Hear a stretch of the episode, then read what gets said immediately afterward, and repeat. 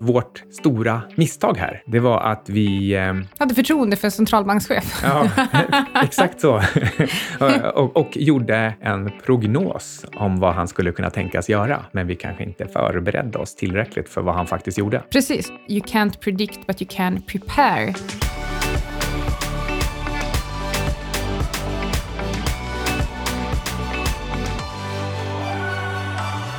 Hej, du lyssnar på Outsiders med Syding och Svan. Det är jag som är svanen och det är du som är sydingen. Carl Mikael Syding.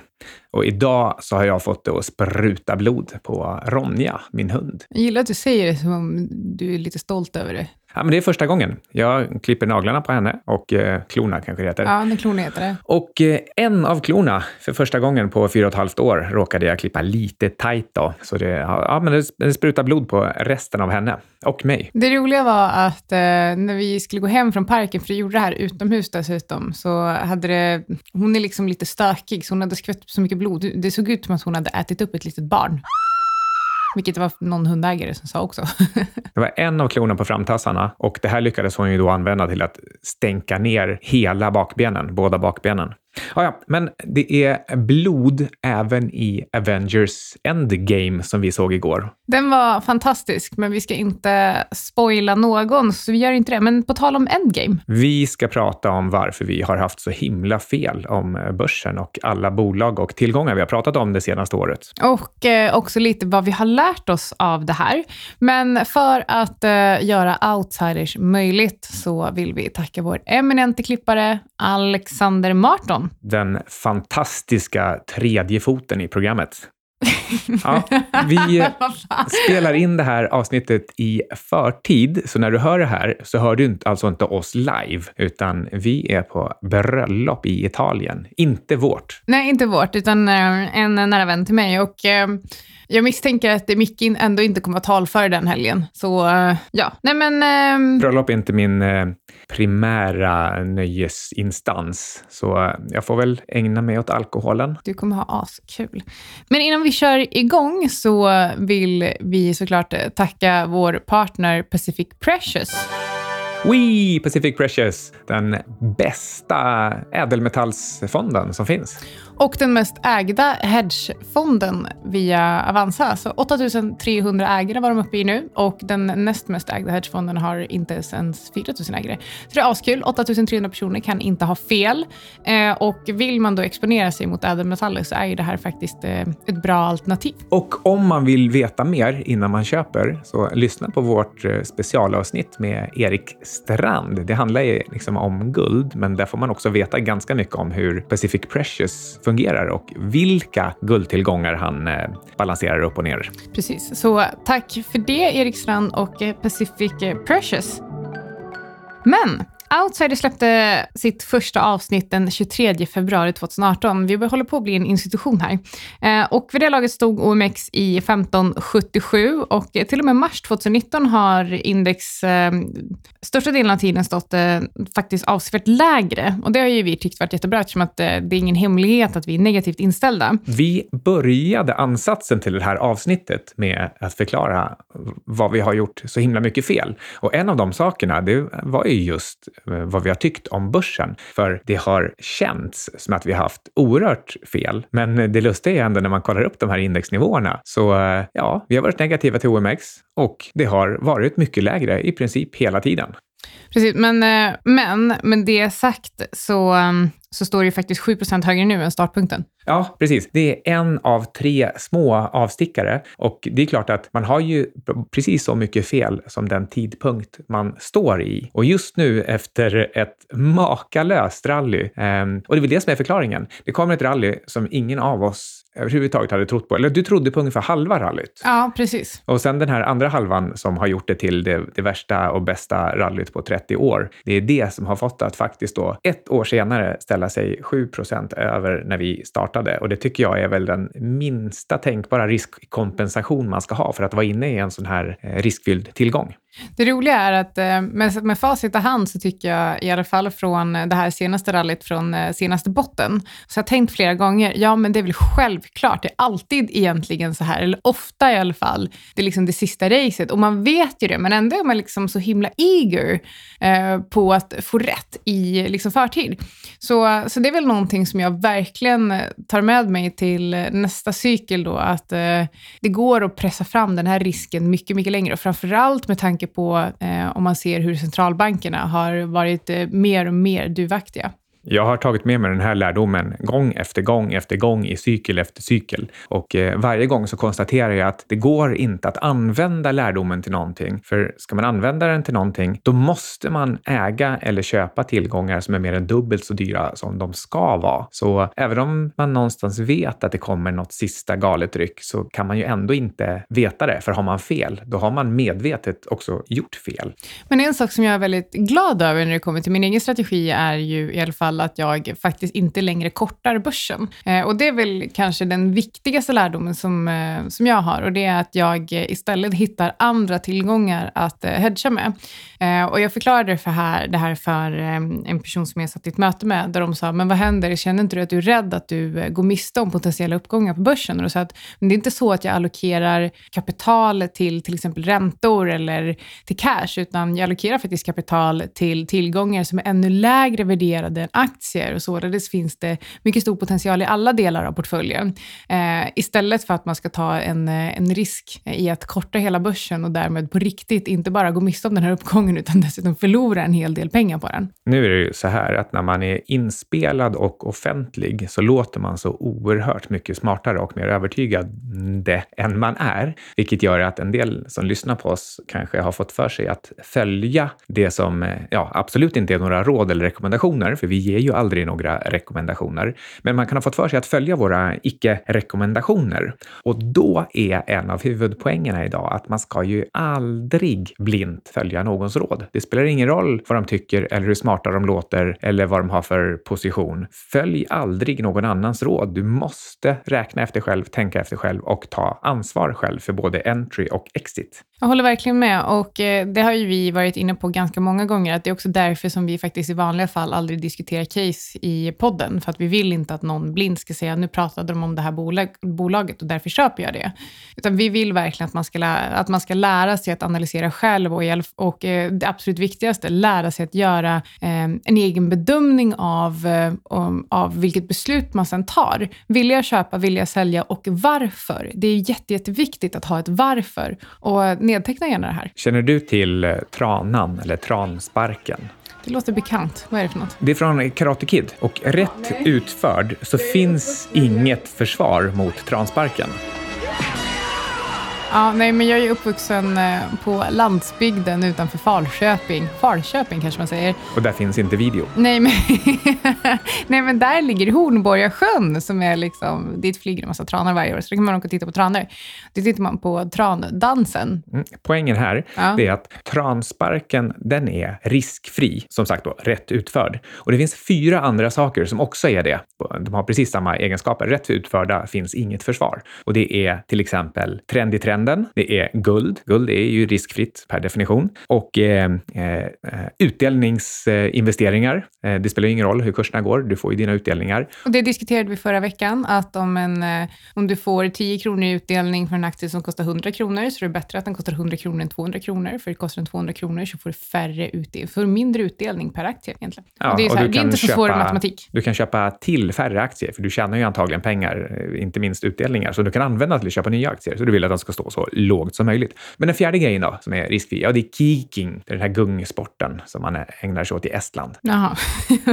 ja, just det, men jag, jag tänkte lägga till också att jag får ju ibland kritik för att jag slarvigt bara använder mig av OMX rakt upp och ner istället för något uh, utdelningsindex.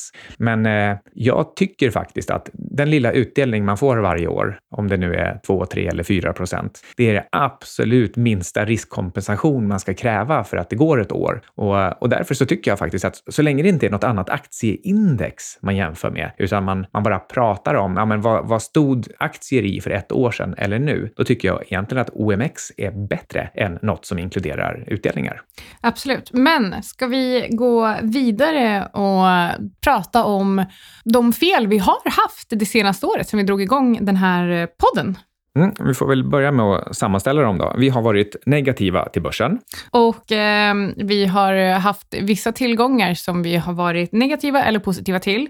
Och eh, pratar kanske särskilt om H&M som eh, jag har pratat väldigt mycket om. Tesla såklart och eh, Fingerprint. Vi har varit positiva till Spotify och guld och då inklusive aktien Gran Colombia Gold. Och eh, jag har ju pratat en hel del om eh, jordbruksråvaror. Får jag börja med någonting vi har varit, ändå haft rätt i? Ja, absolut. Ja. Tesla har fallit med en tredjedel, alltså minus 33 procent, sen vi startade podden. Och eh, ja, det blir lite svårt att säga när är det vi har varit negativa till Tesla? Jag, menar, jag har ju varit negativ längre än så. Och, eh, men, men det är ungefär då också som, som eh, jag och även du började blanka aktien. Så, så under tiden, jag tycker ändå ganska rättvist att säga att den har gått från 352 till 235 där den stängde på i fredags. Och, och det är då också den lägsta nivån sedan outsiders började började. Så lika fel som vi kanske haft på börsen då, som är på sin Absolut. högsta nu, så har vi haft extra mycket rätt i Tesla. Verkligen, men det har ju också gått väldigt mycket upp och ner och eh, vi har ju fått eh, käftsmällar mer än en gång av eh, Tesla-aktien. Och faktiskt valt att stoppa ut oss i våra kortningar.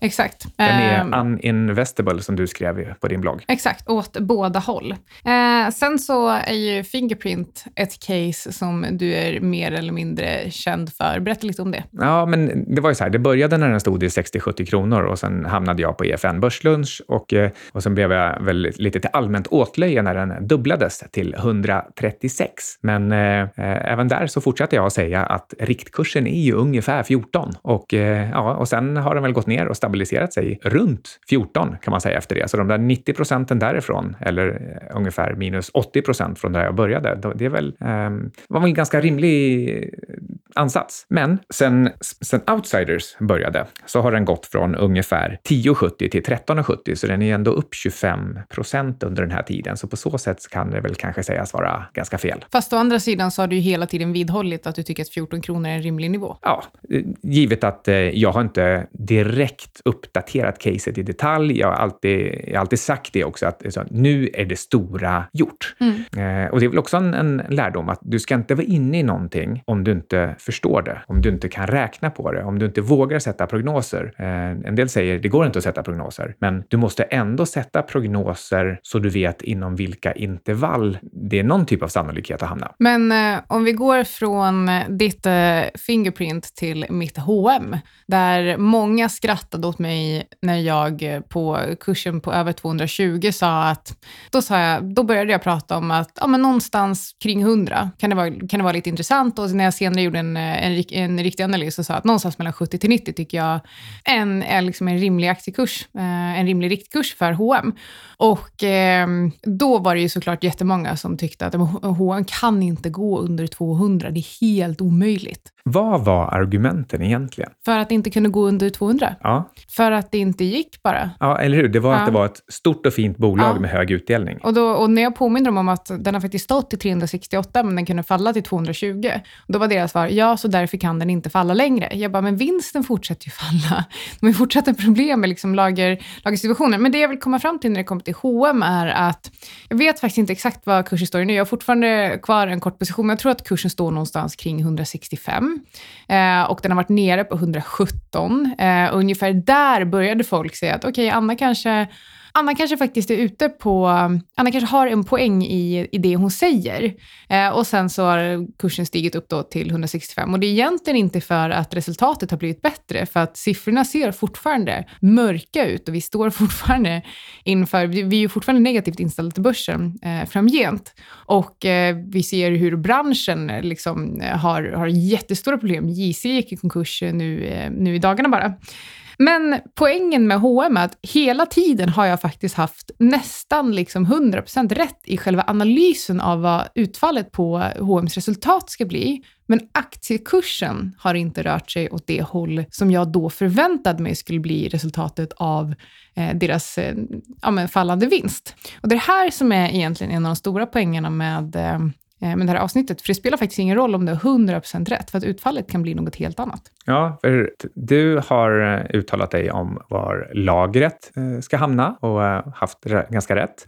De, H&M påstår hela tiden att de har ett bra lager och att de nu säljer dem ut och sådär, men det, lagret stiger ju bara hela tiden. Och mycket dessutom. Och jag har också pratat väldigt mycket om Eh, ja, resultat på aktie, vinsten generellt. Jag har pratat om eh, vinstmarginaler, ja, vinstmarginaler. Ja, påverkan av dollar. Ja, precis. Och, haft, och på tal om påverkan av dollar, med tanke på Ingves, eh, Ingves som har verkligen trampat ner svenska kronan på riktigt låga nivåer, så um, får vi se nu, i och med att H&M har mycket kostnader i dollar. Jag Men, tror att valutaeffekten på det här året kommer vara tuff för H&M. Ja, och frågan är då, räcker det för att få rätt i aktiecaset? Jag tror att det är extremt viktigt här att, eh, för det har ju varit många gånger som jag har sagt till dig att hade det inte varit för att jag är så himla uppdaterad på det här caset så jag hade släppt den korta. Men, eh, men jag tror fortfarande någonstans att marknaden kommer komma i fatt. Eh, och min riktkurs är fortfarande 70 till 90. Och ska de fortsätta dela ut pengar som de inte har, ja, men, det, men hur många år kan man egentligen göra det? Ja, eh, jag tycker att det är helt ofattbart att ett bolag i en av de mest konkurrensutsatta industrierna och som eh, uppenbarligen dokumenterat själva eh, går dåligt. Vinsten faller, marginalerna faller, vinsten faller och vinstnivån är väl sannolikt någonstans 7-8 kronor. Varför ska det värderas till mer 7, än 100 7, kronor? Ja, 7,63 för 2018 och, eller om det var 7,64, ja, men under, under 8 kronor eh, 2018 och jag tror att eh, vinst per aktie kommer ligga ligga närmare sju, kanske under sju. Eh, 6,70 tror jag satt någon prognos, men jag behöver uppdatera den lite. Hur som helst, jag vill inte slingra mig ur det här för att vi ska prata om de fel vi har haft och eh, det är ju faktiskt trots allt så att eh, eh nu har man förlorat, eh, framförallt efter den senaste tiden, så har man förlorat en del pengar på den här korta positionen. Särskilt men, jag då, eftersom du har lagt den i min portfölj. Ja, men jag har ju den i min portfölj också, så vi kan blöda tillsammans.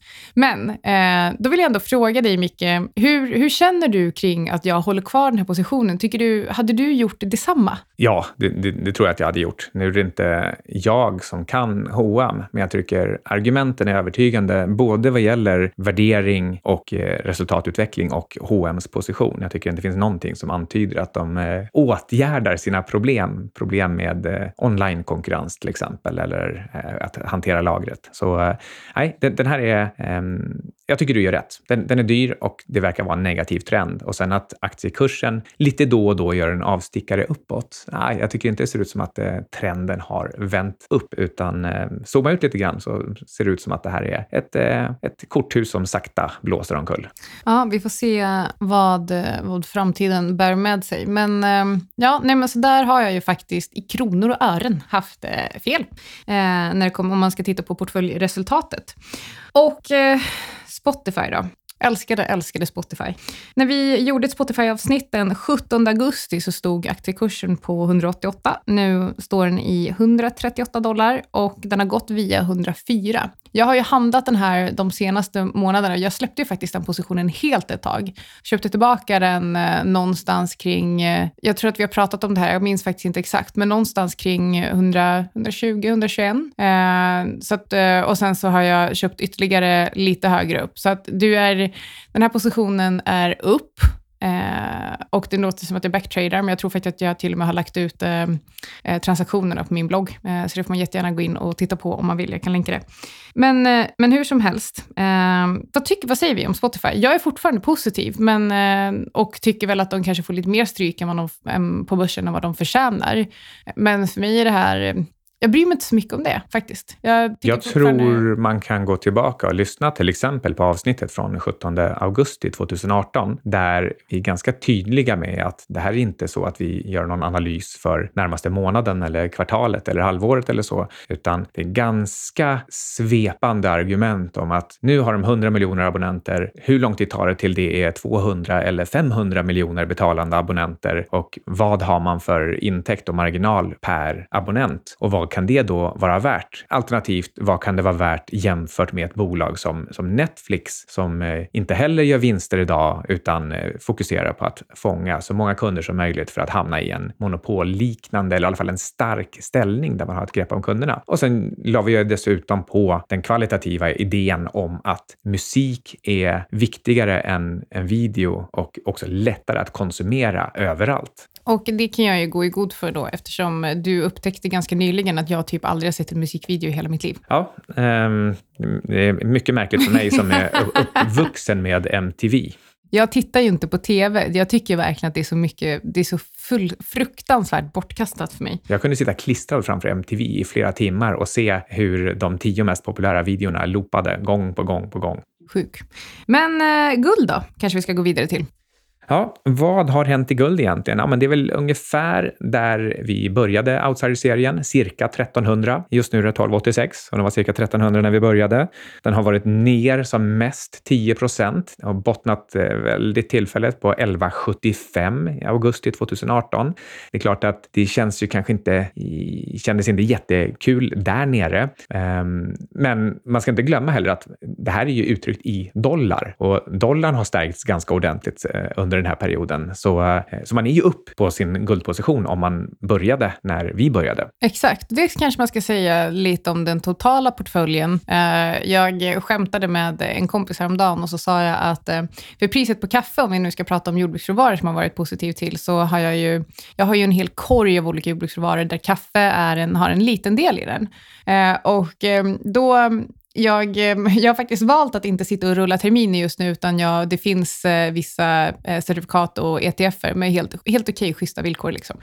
Eh, och då har jag ett eh, kaffecertifikat eh, som är exponerat mot euro. Och euron i sig är ju torgbar, men seken är ju ännu liksom ledsnare. Så då sa jag till min vän att det är faktiskt, eh, jag är ändå lite glad att, eh, att Ingves har, verkar ha kört seken fullständigt i botten.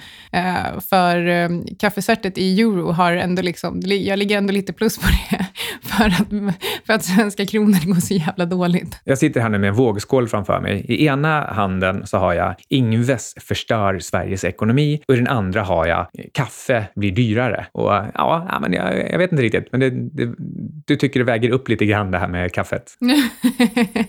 ja. men, men, tillbaka till, eh, till guld. Ja. Eh, vi har ju bland annat valt att ha exponeringen via Gran Colombia Gold. Och det är ju då en, en liten gruvverksamhet ehm, och det bolaget har gått från 2,60 till 3,50 sedan Outsiders började. Det var uppe lite högre ett tag också. Ja, det var det men, men där hände ju lite grejer. Vi har ju ett avsnitt om det också för en, ett, någon månad sedan. När Som vi, var vi spelade in i Marbella. Precis, och då, ehm, då kom den här lite överraskande emissionen samtidigt som guldpriset pikade. Och, och det var ju på en nivå då man också eh, stod och balanserade mellan, kommer guldpriset bryta ut uppåt nu på allvar efter fem års eh, björnmarknad? Eller, ja, nej, den slog i taket och, och vände ner. Och, och då blev kombinationen av det här eh, blev ju förödande för, för Gran Colombia Golds aktiekurs. Men eh, om man kollar in vårt eh, Men eh, veckobrev... kursen är upp typ 13 procent senaste månaden. Ja, just det. Precis. Sen, man, sen den botten. Så att, om man kollar in vårt veckorbrev från eh, i söndags, blir det, när det här är ute, så, eh, eller blir det Eller blir det två veckor bakåt? Två veckor bakåt. Två veckor bakåt. Ja, i alla fall ett av våra insidersbrev nyligen. Från då, vecka 17. Kan ja, då, då pratar pratar vi om, eh, både går igenom en hel del av vad som har hänt i Tesla och varför den har kraschat så och hur det ser ut nu, men även eh, Gran Colombia Gold. Så, eh, så kolla in det. Men för att sammanfatta då, vi har haft fel om H&M's aktiekurs, vi har, haft, eh, vi har fått käftsmällar av Tesla, du har blivit eh, hånad för Fingerprint. Eh, vi har pratat om Spotify som gick från toppen 196 till att idag stå i 138. Toppen, okej, okay, toppen. Mm, moving on.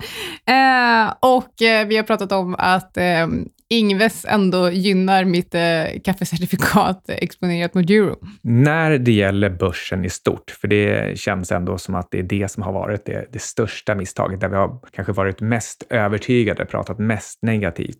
Då, då vill jag, jag vill ändå som förklara hållningen här. Och den bygger dels på att när USA-börsen faller, då faller Sverige också. Det är den som styr. Och i USA så är värderingarna, det finns ju bäst data där, där är det så att nu är är en, en viss typ av justerat P tal Det ligger på 45 och det är tre gånger så dyrt som det brukar vara eh, genomsnittligt. Och det är dessutom det högsta någonsin, eller precis som par med, med ett par tidigare riktigt galna toppar som då sedan har följts av mer än halveringar av, eh, av börsen. Och eh, det är inte bara det att det är det dyraste någonsin. Man har haft det tekniska hyggligt mycket med sig också. Vi fick en generalrepetition 2016 då det gick ner rätt ordentligt och sen orkade det inte riktigt hela vägen upp, eller beroende lite grann på om det utdelningsjusterar eller inte, så liksom har det varit bara i samma härad, men inte några nya riktiga toppar. Och då när det har vänt ner igen sen, då bekräftar det liksom att, att marknaden är i en sidledes toppformation. Så du har både dyrt och en inte särskilt övertygande teknisk teknisk utveckling. Och sen det som hände på slutet. Ja, det är väl att precis när det såg riktigt svagt ut här i, eh, i början på 2019. Då bestämde sig Powell för att avlägsna hela ryggraden. Ja, och det blev, eh, han fick bort den framgångsrikt avlägsnad och, eh, och börsen har inte tittat tillbaka sedan dess. Jag är faktiskt lite besviken, för jag vet att jag har nämnt det innan, men jag hade ändå ja, så här, helt okej okay förtroende för honom som eh, centralbankschef, men eh, det är fullständigt utraderat. Och här men, kan man väl säga att vårt stora misstag här, det var att vi... Eh, hade förtroende för centralbankschef. Ja, exakt så. och, och, gjorde en prognos om vad han skulle kunna tänkas göra, men vi kanske inte förberedde oss tillräckligt för vad han faktiskt gjorde. Precis, och det är väl det som är själva slutsatsen, att även om analysen är rätt, eh, kan och kommer förmodligen kursreaktionen bli något annorlunda än den du förväntar dig. Och det här säger mycket om att you can't predict but you can prepare. Eh, och det här gör du genom att diversifiera dig, både olika tillgångar, olika tillgångsslag, olika marknader, så mycket du bara kan. Köp index. En av huvudpoängerna idag också, det är att ta aldrig blint rygg på någon annan. Inte ens på outsiders, även om vi aldrig har fel egentligen. Det är bara eh, lite interimistiskt. Tänk, tänk er så här att vi är den mest effektiva delen av marknaden, men att marknaden just nu är ineffektiv. Ska vi, ska vi, ska vi avrunda där och ja. återgå till eh, blodsutgjutelsen här hemma? Tack för att du har lyssnat på denna veckas avsnitt av Outsiders. All we can do is our best. And sometimes the best that we can do is to start over.